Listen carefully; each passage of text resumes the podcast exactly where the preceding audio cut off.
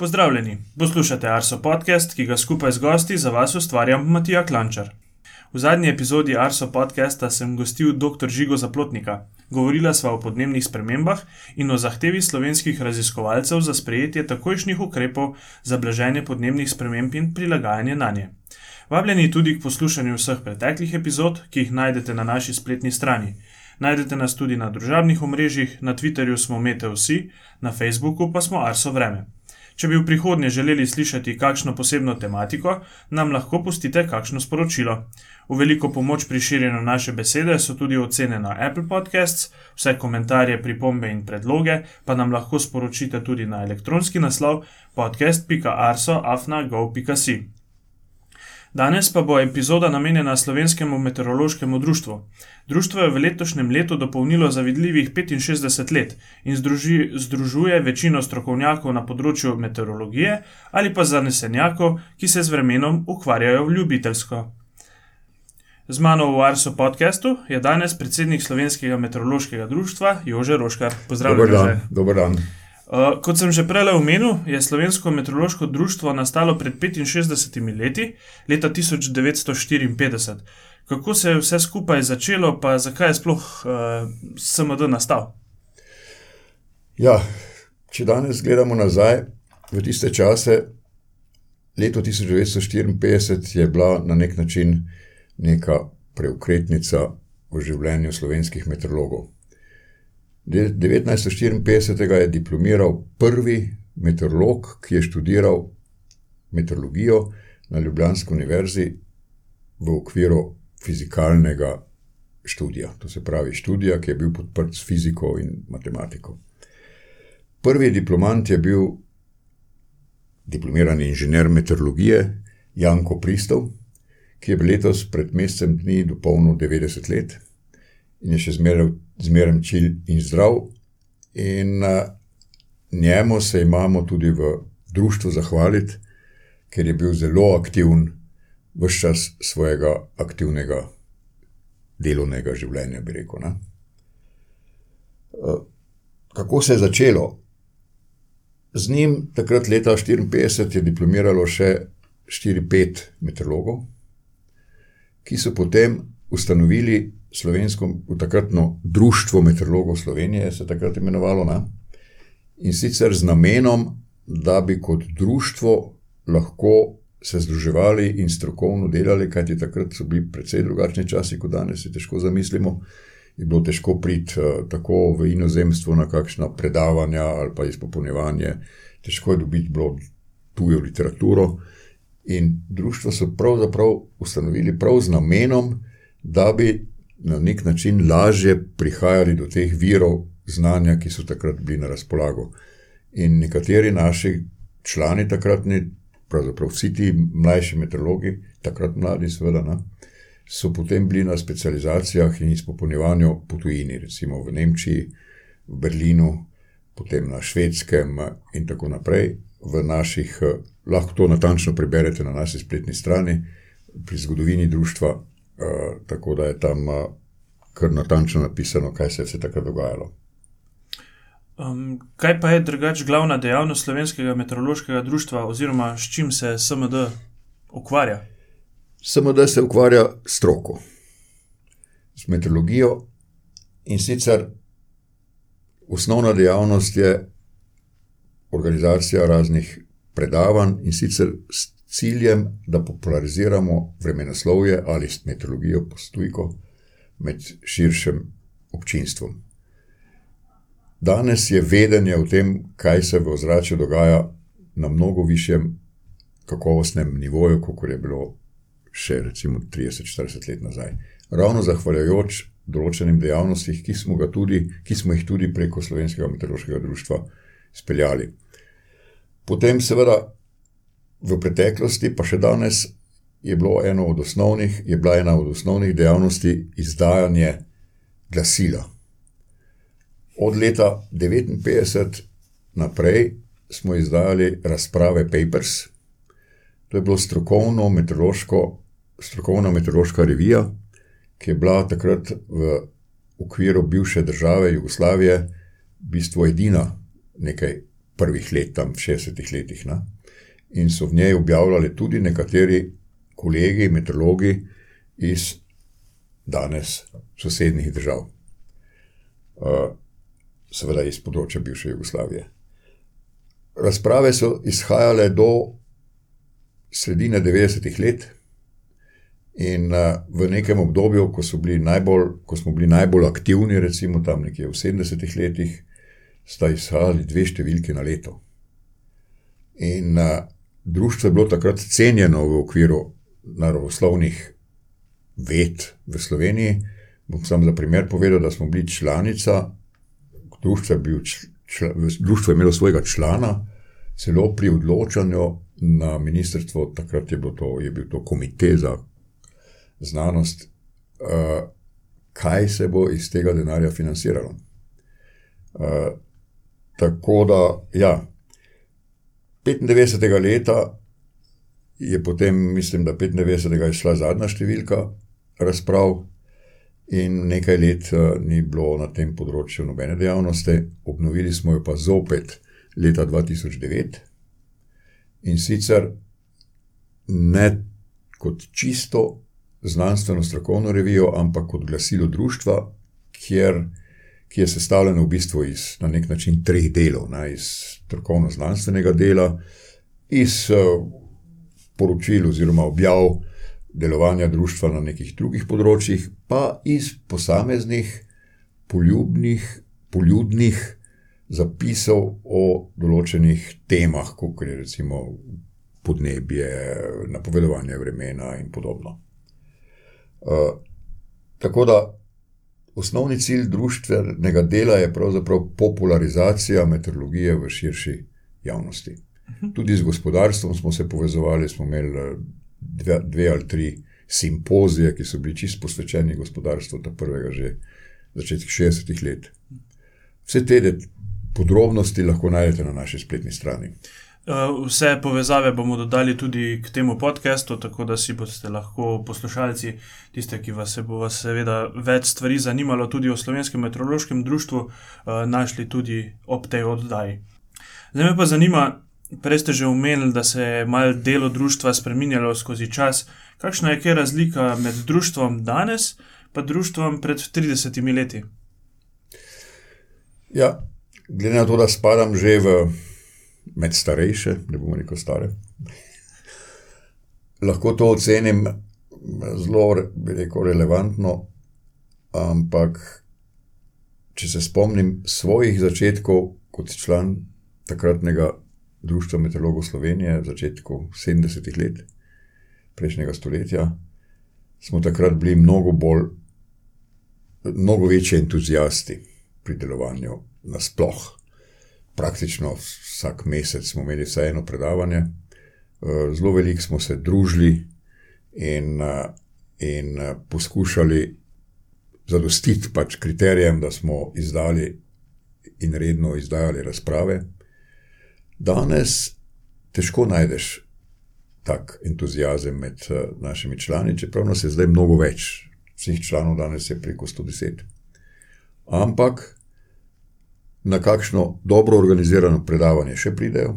Umenil bi prav zadnje predavanje, ki ste v prejšnji podcasti slišali v njem, o podnebju oziroma fiziki podnebnih sprememb, ker je bilo toliko slušateljev, kot se jaz ne spomnim, da bi kdaj na kakšnem predavanju, ki ga je društvo organiziralo v preteklosti, bilo. Danes je seveda to posledica časa, v katerem živimo.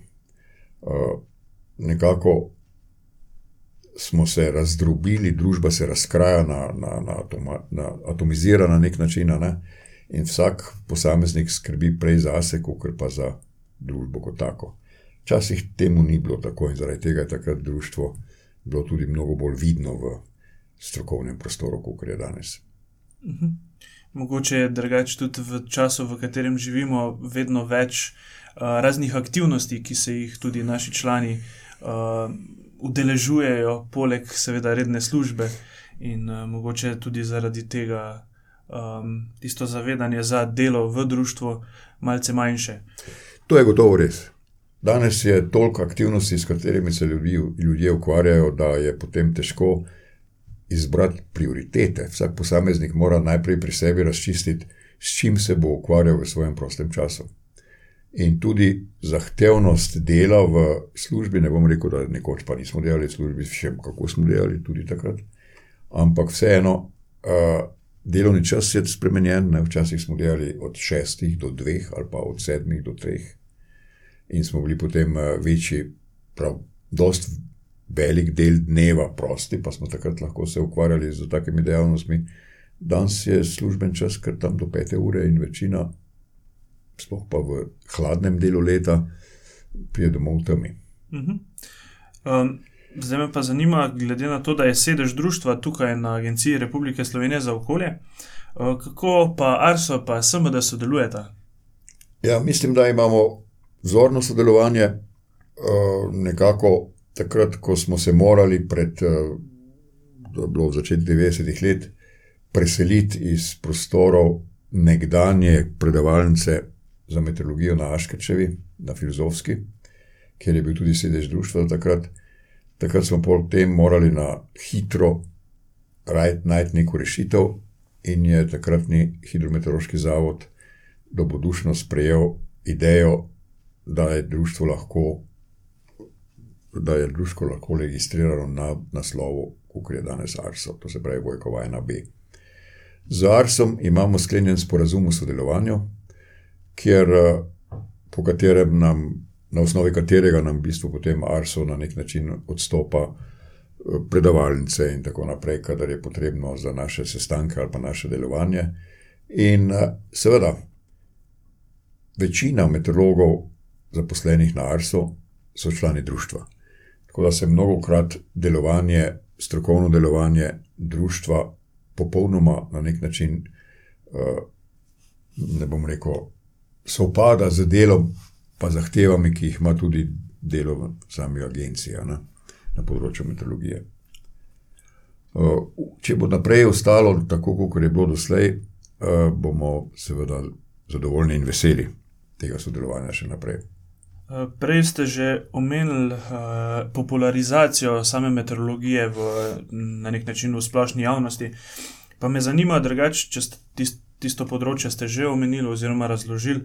Zdaj me pa zanima pač še drug vidik, kako popularizirati med mladimi, da bi se mogoče preko društva tudi popularizirati med mladimi, da bi se odločili za sam študij meteorologije. Ste mogoče o tem tudi razmišljali? Ja, v okviru društva smo že velikokrat govorili o tem, kako bi poskušali približati mladim, oziroma mlade v bistvu navdušiti nad naravoslovnim delom. Meteorologija spada med preko to osnovno dejavnost, povezano z naravoslovjem. In uh, dejstvo je, da bi morali pristopiti k temu z raznimi predavanji, nekateri naši člani to tudi počnejo po posameznih šolah. In uh, posamezna predavanja niso slabo obiskana, in zdaj, na osnovi teh predavanj dobimo tudi kakšna, kakšne nove študente meteorologije ali kaj podobnega, bi težko rekli. Vsej v preteklosti moram reči, da smo zelo skrbno uh, varovali, da ni bilo niti premalo študentov, niti preveč kaj mislim s tem reči. Ne? Če jih je premalo, potem stroka na bivšem hidrometeorološkem zavodu, danes Arso, pač ne bi imela dovolj zaposlenih meteorologov, ki bi lahko upravljali svoje delo um, brez večjih problemov.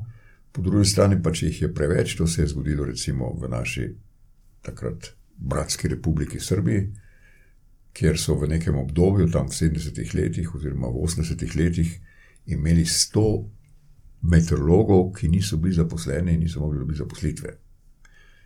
In ko smo spremljali te dogodke tudi v sosednjih republikah takratnih, smo se zelo jasno zavedali tega, da se ne smemo dovoliti, da bi na meteorologijo se upisalo preveč ljudi.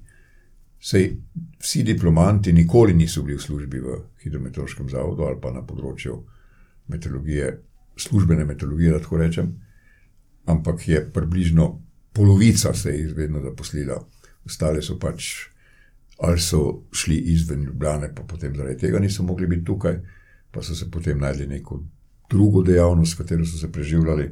ali kaj podobnega. No. V zadnjem času pa opažamo, da je teh študentov premalo.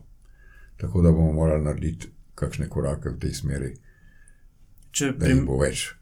Če tudi primerjamo mogoče čas pred 30 leti ali pa zdaj, se mi zdi, da je lažje dobiti tudi, ko diplomiraš iz meteorologije, lažje dobiti tudi službo, v kateri izmed drugih panog, ki ni sicer vezana na samo meteorologijo, kot je bi bilo pa verjetno včasih, ko si bil enkrat ja. izobražen v neko določeno smer, si verjetno iskal oziroma si imel možnost zaposlitve bolj kot ne samo na tistem področju.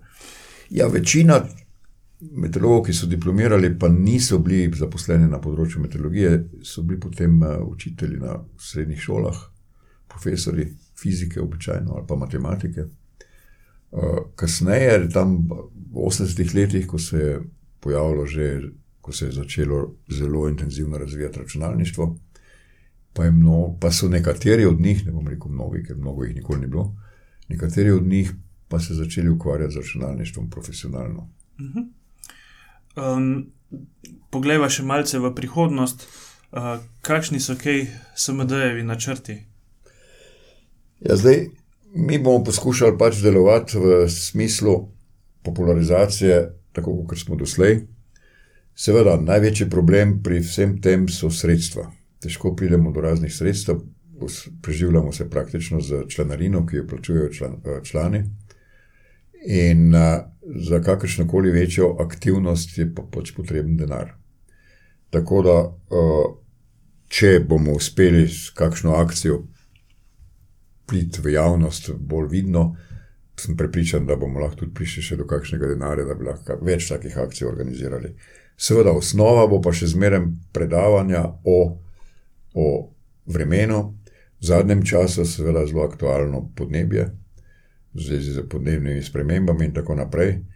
In na tem področju čutimo, nas smo tudi v zadnjih desetih letih v okviru društva kar veliko na tem področju naredili izdali posebno številko Vetrnice, ki je bila, kjer je bila vodilna tema, uh, stališče meteorološkega, slovenskega meteorološkega društva o podnebnih spremembah, to je bilo leta 2012. Potem smo prevedli cel kup 53 prispevkov na spletni strani skepticalscience.com, uh, kjer, kjer, so, kjer je Clark praktično organiziral odgovore strokovnjakov na najbolj česta, pogosta vprašanja podnebnih zanikovalcev. Tako da na tem področju nas čaka še zelo, zelo velik dela, kajti še danes vidimo v raznih odmevih, da nekateri enostavno nočejo razumeti, kaj se dogaja. Uh, še za konec me pa zanima, če je recimo med našimi poslušalci kdo, ki še ni član društva, mogoče kakšen ljubiteljski uh, zanesenjak, ki ga vreme zelo zanima. Uh, kdo se lahko sploh učlani v SMD, pa so mogoče kakšne omejitve? Ja, moram reči, da v začetku, ko je bilo društvo ustanovljeno, so takrat imeli v statutu oziroma pravilih društva zelo strogo omejitev. Člani so, članili so se lahko samo diplomirani meteorologi, to se pravi tisti, ki so imeli fakultetno izobrazbo na področju meteorologije. Nazivi so se menjavali s časom, najprej so bili diplomirani inženirji, potem so bili diplomirani meteorologi, zdaj so menda diplomirani fiziki in tako naprej. Uh, pred približno desetimi ali nekaj takega leti smo pa v naših pravilih uh, to omejitev odpravili, tako da se lahko včlani v društvo vsakdo, ki se ali poklicno ukvarja z čemerkoli povezanim z vremenom, ali da je ljubitelj vremena kot tak. Ne, imamo tudi kar precej uh, ljubiteljev, recimo med uh, javnostjo je znano ljubiteljsko društvo Zeus. In tudi od njih imamo nekaj članov pri nas. In uh, ja, vabljeni. Um, Jože, najlepša hvala za tale pogovor o društvu, pa želim vam res veliko uspešnega dela tudi v prihodnjih letih. Ja, hvala, upam, da bo res tako. Hvala pa tudi vam, dragi poslušalci, za poslušanje in pozornost, obilo lepega vremena do prihodnjič in se slišimo čez 14 dni.